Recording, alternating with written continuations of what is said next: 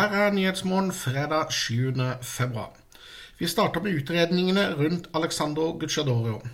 Etter at det ble funnet dopingmidler, sprøyter og kanyler i en buss som fraktet hans hester til Åby i fjor vår, har svensk travsport utredet saken.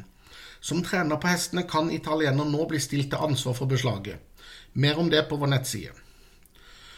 Så triste nyheter. To flotte travere er døde i forbindelse med operasjoner de siste dagene. Talentet Kos Brage døde i forbindelse med komplikasjoner rundt en kastrering tirsdag. Det opplyste Staljessen på sin hjemmeside sent onsdag kveld.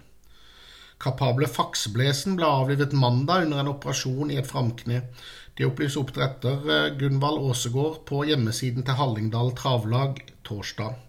Da leddet ble undersøkt, viste det seg å være så skadet at hesten ble avlivet av dyrevernmessige årsaker.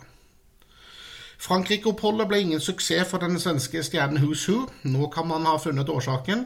Like etter hjemkomst til Sverige fikk stjernetraveren nemlig kverke, og nå er den satt på isolat.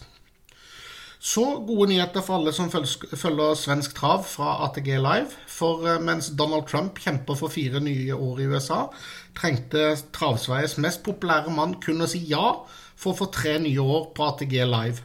Superpopulære Stefan Hultmann signerte torsdag 3. i år med Travkanalen. Så er du lei av å fryse på rumpa når du trener hest, eller er du kusk med bånnfrosne rumpeballer etter en løpsdag i vinterhalvåret? Nå kan seks jenter være redningen. Mer om dem og deres idé kan du lese senere i dag. Det er fredag, snart helg, og ukens V75 den går på Forus. Der blir det mestermøte mellom Ulsrud og Odd Herakles, så det er bare å levere en bong og bli med på spenninga. God helg!